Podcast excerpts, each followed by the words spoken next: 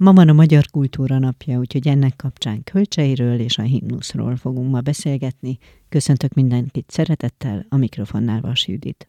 Tavaly volt 200 éve annak, hogy megírta Kölcsei a himnuszt, és az állítólagos letisztázás, befejezés időpontja az január 22, ugye ehhez kapcsolódik a Magyar Kultúra napja.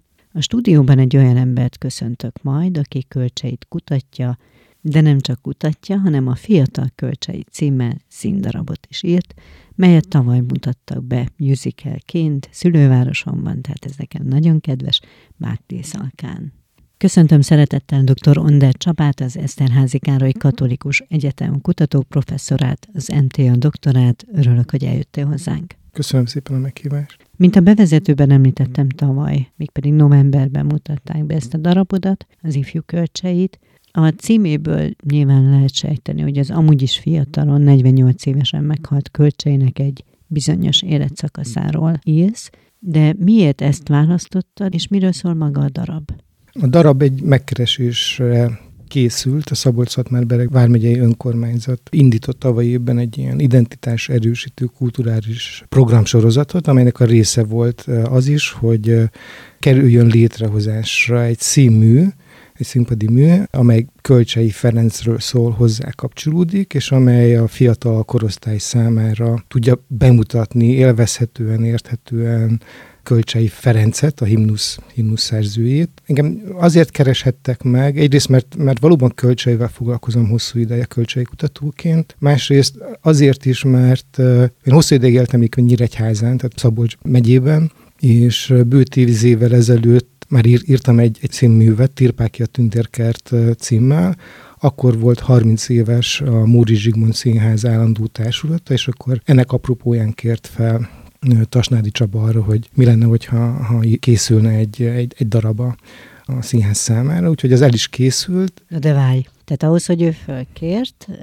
már még azelőtt is kellett, vagy legalábbis ő tudhatott arról, hogy te egyáltalán írsz. Én irodalomtörténész vagyok egyébként, tehát tanár irodalomtörténész, nem vagyok író. Nyilván vannak olyan típusú írások, amiket ilyen fikciós jellegűnek mondhatnánk, de alapvetően nekem nem ez a, nem ez a hivatásom, hogy írjak.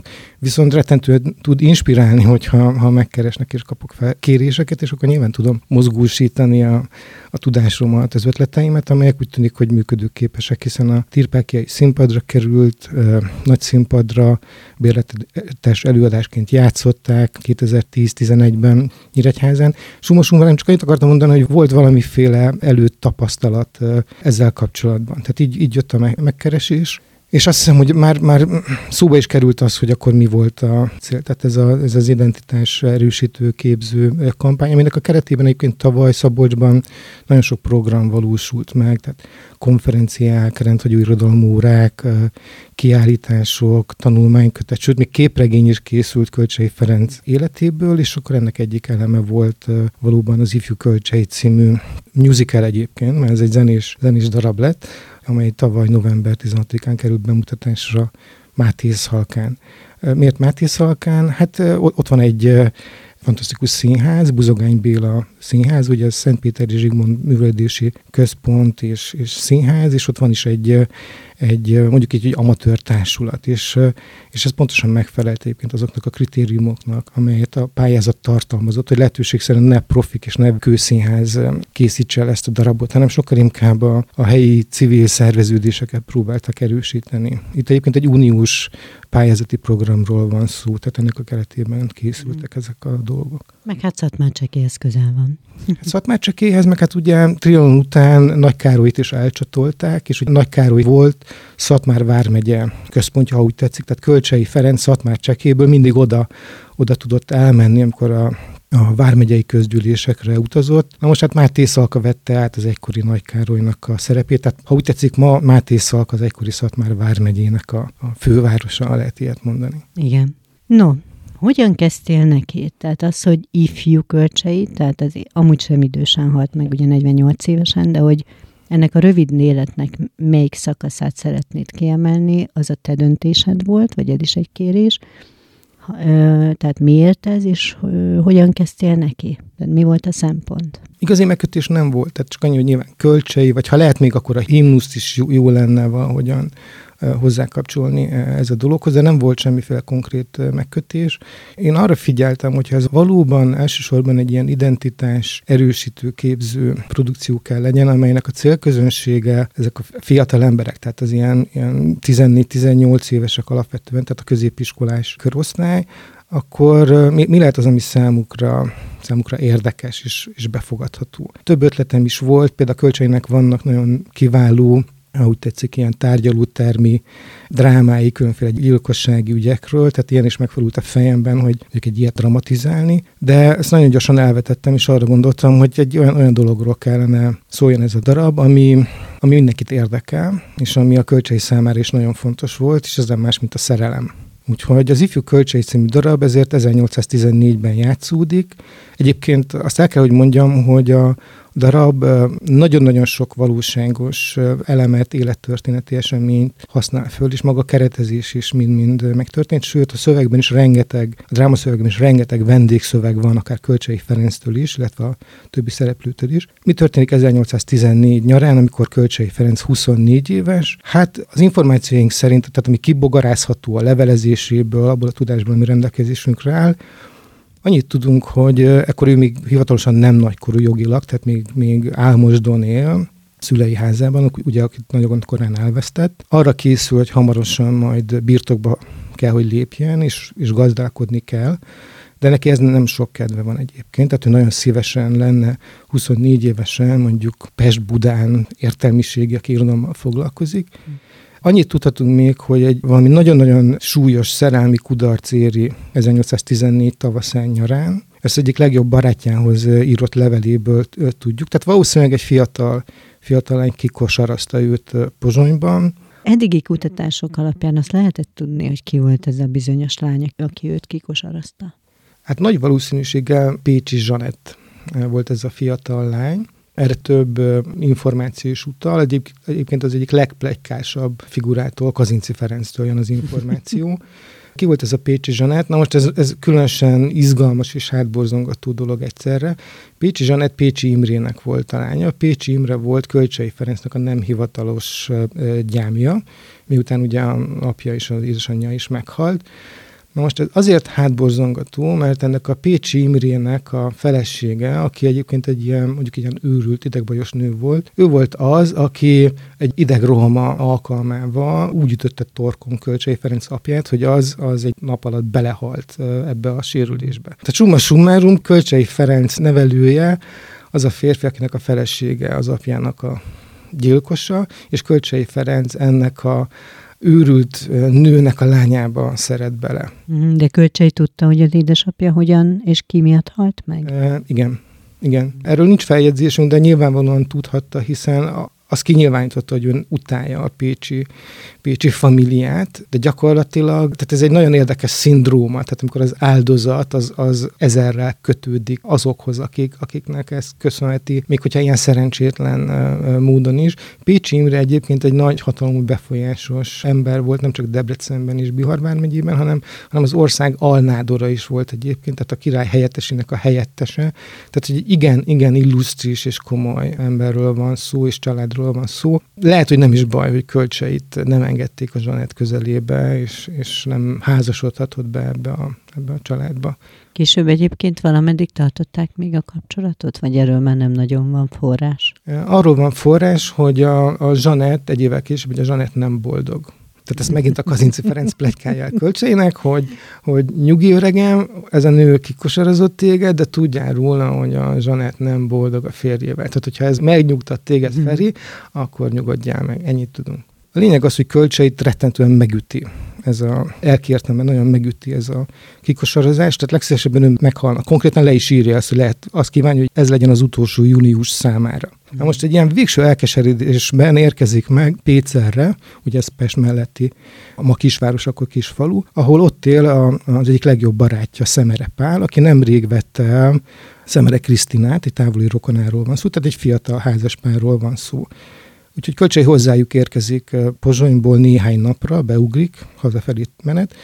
Ugyanakkor úgy tűnik, hogy nagyon jól érzi ott magát, mert több mint fél évig marad a, a házaspárnál, és együtt töltik az egész nyarat, és az őszt, és együtt utazgatnak, Szóval úgy tűnik, hogy egy ilyen fantasztikus időszakot töltenek együtt, és miért érdekes ez? Azért, mert azt látjuk, és Kolcsai reflektál is erre később, meg a munkáiból is, hogy hirtelen így, így elkezd energiától duzzadni ez a fiatalember, szárnyakat kap, ekkor elkezd rengeteg új verset írni, és többek között ekkor születik meg a, az a verse is, a Rákos Nymfájához című, amit egyébként Szemre Krisztinának címez, most ez a vers, ezt tartja a kölcsei szakirodalom himnusz egyik ilyen, ilyen eredet szövegének. Tehát kölcsei költözhetében a hazafias téma, tematika ezen a nyáron születik meg, hogyha úgy tetszik. Egyéb más dolgokat is csinált, például ez a magyar nyelvújítási harcok egyik leg, legforrongóbb időszaka, és Szemere Pállal közösen például írnak egy szatirikus pamflettet, felelet a mondalat a címmel, amelyben megvédik, ha úgy tetszik, mesterüket, Kazinci Ferencet az őtért támadások miatt. Ekkor kezd el egyébként nyelvészeti, nagyon komoly nyelvészeti kutatásokat is kölcsei ezen a nyáron, amelyel viszont azt próbálja elméletileg és tudományosan is igazolni, hogy, hogy miért van szükség a magyar nyelv megújítására, és ebben milyen szerepet játszanak a magyar írók. Summa summarum egy nagyon-nagyon gazdag, intenzív, alkotói periódusra ismerhetünk 1814-ben. Mondom, onnét indul a történet, hogy így kölcseit úgymond magán kívül van. És ehhez képest, ehhez képest azt látjuk, hogy egy ilyen nagyon-nagyon pozitív, boldog fiatalember hagyja el Pécelt, aztán elkerül egy évvel később Szatmárcsekér, és akkor ott jön a, jön a ridegrög valóság, hogy ott neki a világ végén egyedül kell élni és gazdálkodni. Említetted, hogy fókuszban a szerelem áll. Ez már eleve különleges abban a szempontból, hogyha most megkérdezünk olyan diákokat, akik éppen kölcseit tanulják, vagy tanulták, vagy, vagy tehát még fiatalok, még viszonylag friss bennük ez az élmény, akkor talán ez a végén lenne, hogy egyáltalán eszükbe jut kölcsei és a szerelem. Nyilván Petőfi kapcsán, vagy más költő kapcsán ez azonnal, de kölcseiről valahogy ezt nem nagyon tanították, vagy tanultuk. Mi az a szerelem, vagy ki az a szeretett nő, vagy ki az a szerelmi múzsa, aki ráhatott, aki a te művednek egy központi alakja lehet. Hát igen, a szerelmes kölcsei az ilyen ismeretlen, igen. Ismeretlen topik, ha úgy tetszik. Ugyanakkor például a leveléből tudjuk azt, a neveket soha nem említ, de az önéletrajzi levélben leírja, hogy ő, ő hány, hány nőbe volt szerelmes. De ezek többnyire ilyen plátói szerelmek? Hát ezt nem lehet tudni. Tehát az, hogy voltak körülötte nők, voltak jánykái, ahogyan ő, ő is ő is írja. Ezt nem lehet pontosan tudni. Nagyon szemérmes ember volt a tekintetben. Tehát én úgy ismertem meg Kölcsei Ferencet a munkáiból, a leveleiből, hogy, hogy végtelenül őszinte, korrekt, megbízható, bátor, szókimondó, rettentően intelligens és finoman fogalmazó, de a véleményét el nem hallgató ember. Viszont a magánügyeiről azért ő nagyon-nagyon szemérmesen hallgat, vagy áttételesen beszél. Most ezt azért mondom, mert mert 1814 nyarán, amikor megérkezik a Szemre házas párhoz, akkor ott van Szemere Krisztina. Most Szemere Krisztinát is kapcsolatba hozták Kölcsei Ferenccel, hogy, hogy talán volt köztük valami. És tulajdonképpen az Ifjú Kölcsei című darabnak is ez áll a, ez áll a középpontjában. Vagy ha más nem a Kölcsei részéről. Nem írható le szerintem ez a, ez a kapcsolat egy ilyen szimpla szerelmi háromszögként. Amikor Szemere Krisztina tíz éve később meghal, akkor a halála után kölcsei két írást is ír róla, Vilma, illetve Celestina címmel. Tehát ezek, ezek kvázi ilyen, ilyen emlékező halotti beszédek, és ezekben egyébként nagyon pontosan megfogalmazza, hogy milyen hatást gyakorolt rá ez a nő. És ez nem pusztán, hogy mondjam, egy ilyen érzelmi ráhatás volt, hanem valami sokkal-sokkal több. Mi ez a több? Nagyon úgy tűnik, egyébként a Krisztin egy évvel volt fiatalabb kölcseinél, vagy kettővel, mindegy, de picit fiatalabb volt. Ugyanakkor úgy tűnik, hogy nagyon érett és okos nő volt, aki egyébként maga is foglalkozott költészettel, írt verseket, írt meséket. Most ez a fiatal lány, Szemere Krisztina, úgy tűnik, hogy hogy helyre teszi a fiatal Kölcsei Ferenc. Az, hogy helyre teszi, ezzel azt értem, hogy hogy legalábbis a kölcsei róla szóló szövegeiből, hogy egész egyszerűen mai kifejezéssel élve egy megmossa a fejét, hogy szedje össze magát. Hogy nincs értelme a céltalan álmodozásnak, nincs értelme annak, hogy folyamatosan a, a múltba révedezzen és oda ragadjon valaki, hanem cselekedni kell. Ha igazán férfi akar lenni valaki, mint például ő is, akkor egész egyszerűen a tettek mezeire kell lépni, és cselekedni kell. és a későbbiekben is leveleznek egyébként egymással. Van, van olyan időszak, amikor Kölcsei annyira magába zuhan Szatmárcsekén, hogy hogy nem hajlandó elutazni Pestre. Persze tudjuk azt, hogy a korabeli utazási viszonyok között mondjuk egy fölruccanás Pest-Budára ez nem volt olyan egyszerű, de amikor mehetett volna sem ment, és akkor tudunk róla, hogy Szemere Krisztina leutazott kölcseihez, és, és egy kicsit, kicsit helyre rakta lelkileg ezt a, ezt, ezt a depressziós fiatalembert. Úgyhogy nagyon sokáig, amíg élt, segítette kölcseit abban, hogy, hogy dolgozni, hogy gondolkozni tudjon. Ja, és akkor hogy jön ide a, a, a költészetnek nemzeti tematikája? Hát valószínűleg pont, pontosan úgy, hogy, hogy majd ezt látjuk majd a későbbi, a reformkorhoz kapcsolódó verseiben, mint például akár a 20-ban is, hogy, hogy a cselekvésben, hasalkos gyarapics, ugye ezzel végződik ez a gyönyörű epigrama, a cselekvésben fog igazából megnyilvánulni az a hazaszeretet, ami, ez a cselekvő hazaszeretet, aminek igazából értelme van kölcsei számára is. Akkor a Krisztina nem csak egy nő volt azokban az években az életében, hanem egy olyan társ, vagy, vagy nem is tudom, egy olyan támasz, vagy valami ilyesmi, aki életmódbeli tanácsokat, ez most nagyon furcsa hangzik így, de igen, tehát, hogy valahogy az életbe hozza vissza. Ennek biztosan is az oka lehetett, hogy belekapaszkodott, hogy azért otthon ezeket nem kaphatta meg. Milyen volt kölcsei, családi vagy szülői háttere? Nagyon pontosan látod, tehát szerintem is így volt. Tehát ilyen lelkitárs és pszichológus és, és, és, és minden is lehetett számára. És nagyon jó a kérdés második része is. Kölcsei Ferenc hat éves, amikor elveszíti az apukáját, 12 éves, amikor az édesanyját is elveszíti, és ő ekkor már, tehát 12 évesen már a Debreceni kollégiumnak a diákja, nem bent lakó kollégista, nem bérelnek neki egy kis lakás Debrecenben, de mégis úgymond egyedül él a dadusával, és miután elveszti a szüleit, tehát hogy ő akkor még minden szempontból kiskorú, tehát jogilag is, meg nem tudom. Meg lélekben. Lélekben is, és akkor ott, ott van ő, meg ott vannak a kis öccsei. Tehát gyakorlatilag ez egy életre szóló program, hogy például az öccsei, öcseinek a, a nevelését, tanítását menedzselje. Tehát nagyon, nagyon korán lett ő magányos, és nagyon korán kellett úgymond felnőnie, igen ismert írása, a Paraneizis kölcsei Kálmán című írása, amit az unoköccsének címez, és ennek az elején leírja, hogy igazán azt tud úgymond élettanácsokat adni, aki tényleg megszenvedte és megkínlódta az életet. Na most költségre ez tényleg elmondható. És akkor tegyük még hozzá, hogy milyen, milyen egyéb hátrányai voltak.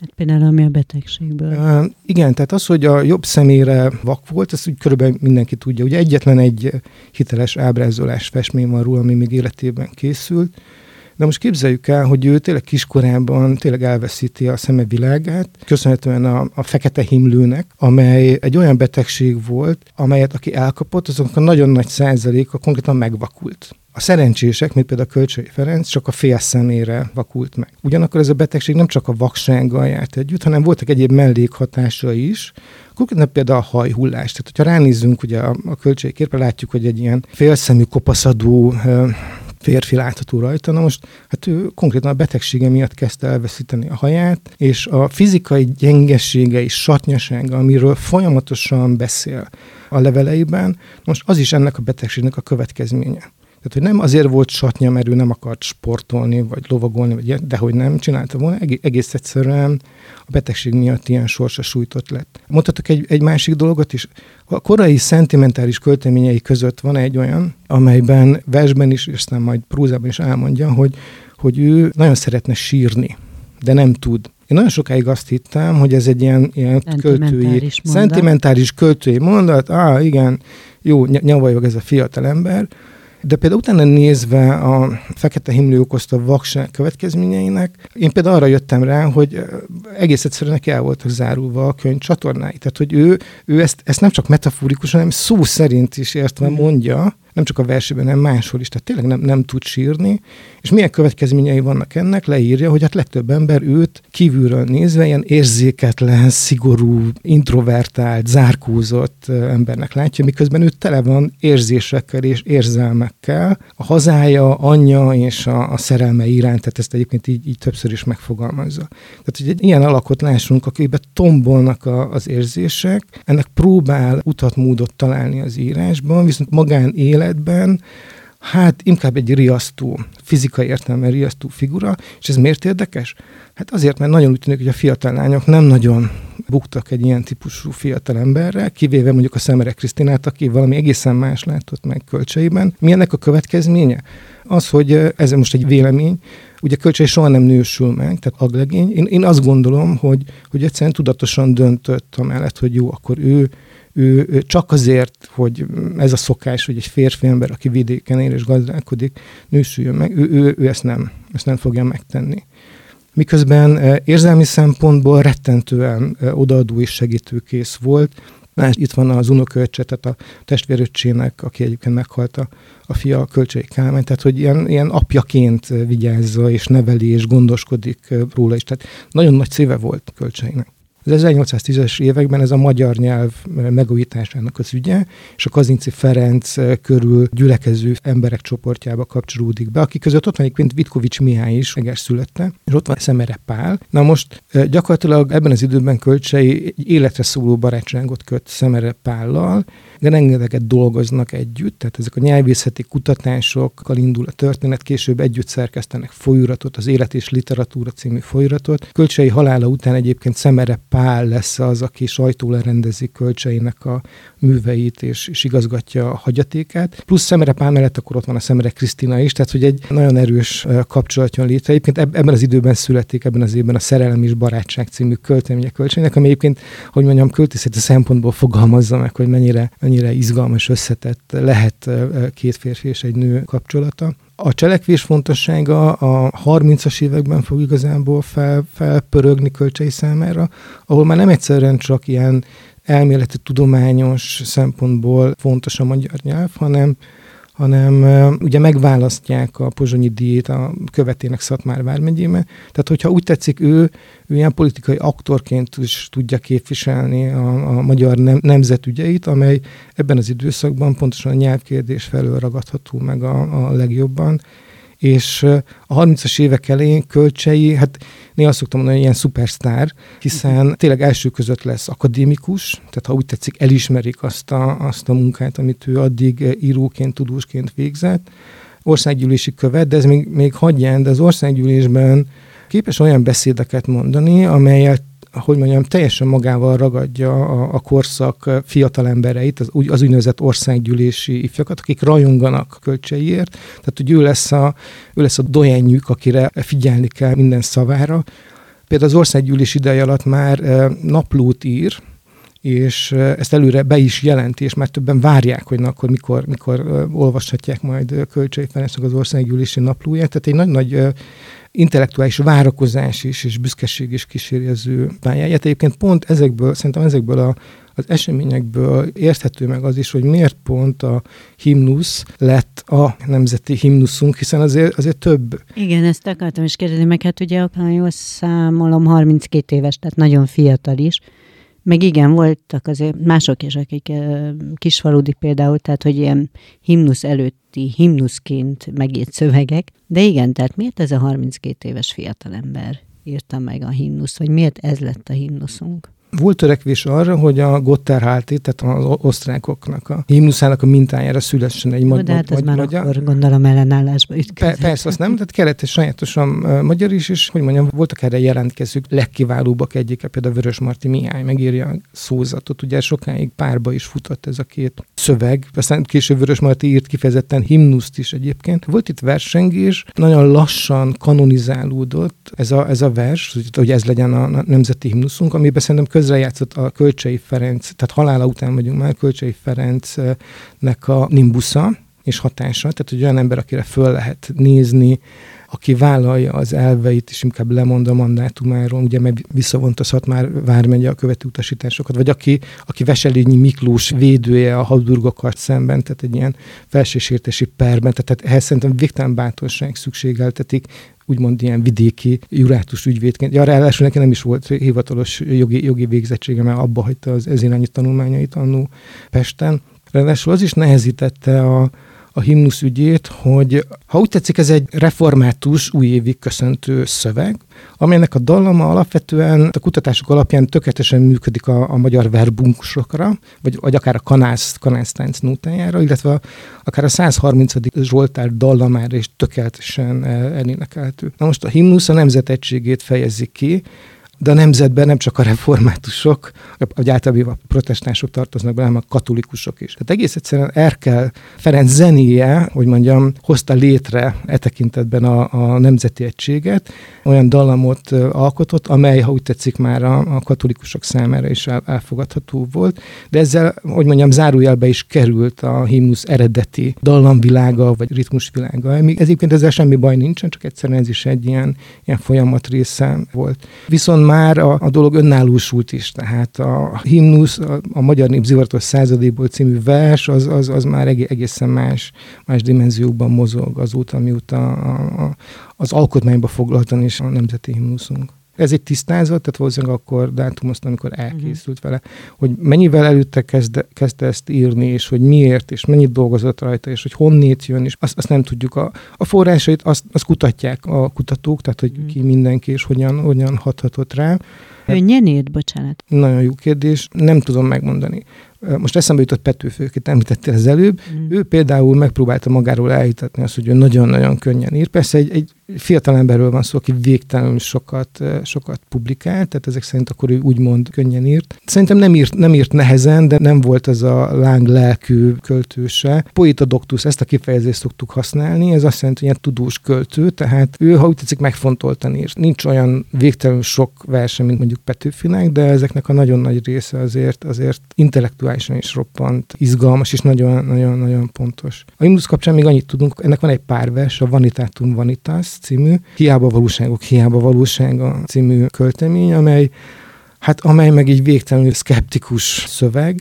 Mondják azt, hogy a himnusz is mennyire szomorú, meg lehangoló, meg nem. A himnusz egy végtelenül pozitív üzenettel rendelkező szöveg. Nyilván ez Erkel behozza ebbe, a, ebbe az egészbe a, a katolikus liturgiák dallamvilágát, lassít rajta, de hát ez a vers azzal kezdődik, hogy a, hogy a magyar már megbűnhődte múltat jövendő, tehát gyakorlatilag ezek után már csak jó dolgok következhetnek. Tehát alapvetően ez egy, ez egy pozitív üzenetű, újévi köszöntő vers volt, de nyilván nagyon sok módosuláson ment, tehát ahogy te is mondtad, aztán, aztán ilyen-olyan képzeteink támadnak ezzel kapcsolatban. Szerintem, szerintem teljesen jó, ahogyan most van, és jó, hogy ez a, ez a himnuszunk.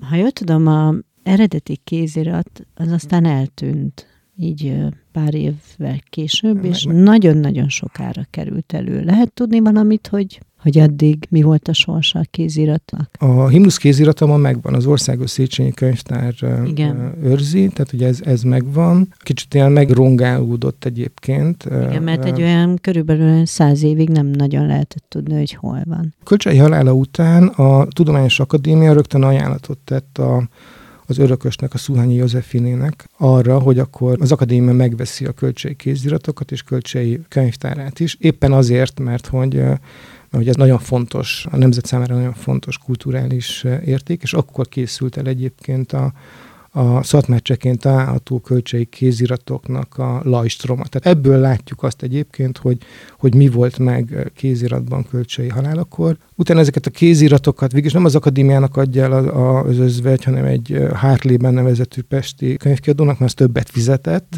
többet fizetett. Utána azért visszakerülnek a kéziratok rendben, de ott már azért tűnnek el dolgok. És igen, van egy hosszú, hogy mondtad, egy több mint száz éves lappongási idő, amikor a, az örökösöknél, a leszármazottaknál már vannak a kölcsei, kéziratok, relikviák, minden, ami megmaradt, és valamikor az 1950-es évek magasságában a magyar állam elkezd ezeket megvásárolni, tehát bekerül közgyűjteményekbe, alapvetően az Országos Széchenyi Könyvtárba, Kölcsei Ferencnek a, a hagyatéka, de persze mindig, mindig kerültek és kerülnek elő, kerülhetnek elő lappangó kéziratok. Például Bakonszeg, ugye Besenyi György ott élt és ott halt meg. Bakonszegen az ott élő leszármazott Miskolci család kúriájából került elő az 1960-as években Kölcsei Ferencnek a végrendelete. Tehát, hogy egyszerűen az ott volt valamik leszármazottnál, aki egyszer csak megtalált, aztán így elvitte a Debreceni Déri Múzeumban, hogy na itt, itt van költség végrendelet, és akkor a kutatók szépen azonosították és megtalálták. Szóval azért van, vannak, lehetnek ilyen, ilyen csemegék. Azt lehetett tudni, hogy a kor hogyan fogadta a himnuszt? Most, hogyha sarkítanak akarok, akkor azt mondani, nagyjából sehogy. Tehát nem az volt, hogy megjelenik a himnusz, és akkor mindenki rajong és eldobja a kalapját. Most férfiakra gondolok, de nőknek is volt kalap.